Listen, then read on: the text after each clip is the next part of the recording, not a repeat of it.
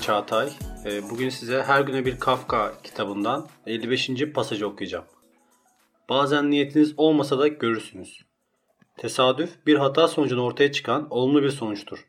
Keşif yapmaya çalışırken başka bir keşif bulma durumudur. Bu yüzden hiçbir kazayı küçümsememek gerekir. Çünkü bazen buralardan değerli sonuçlara ulaşılabilir. Alexander Fleming bakterili plakalardan birinde mantar gelişince pensilini bulmuştur. Onu atmak yerine üstüne çalışmış ve bu mantar sayesinde bakterilerin geliştiğini görüp sayısız hayatı kurtarmasına yarayacak bir ilaç bulmuştur. Almanya'daki Altdorf Üniversitesi profesörü Johann Henrik Schulz 1725'te fosfor bulmak için yeni bir metot üzerinde çalışmaktaydı.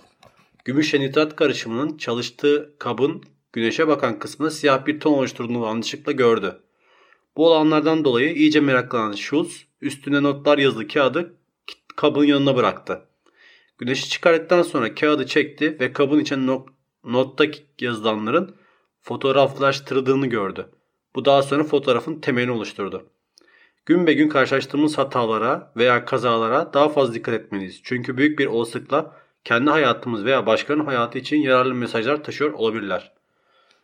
Ee, evet, bugün Franz Kafka'nın Her Güne Bir Kafka kitabının 55. pasajını sizlere okumuş bulunmaktayım. Beni kimse dinlemez her çarşamba ve cumartesi devam ediyor olacak. Kısa kısa pasajlarla devam edeceğiz. Beni kimse dinlemez Instagram adresini, beni dinlemez Twitter adresini takip edebilirsiniz. Görüşmek üzere.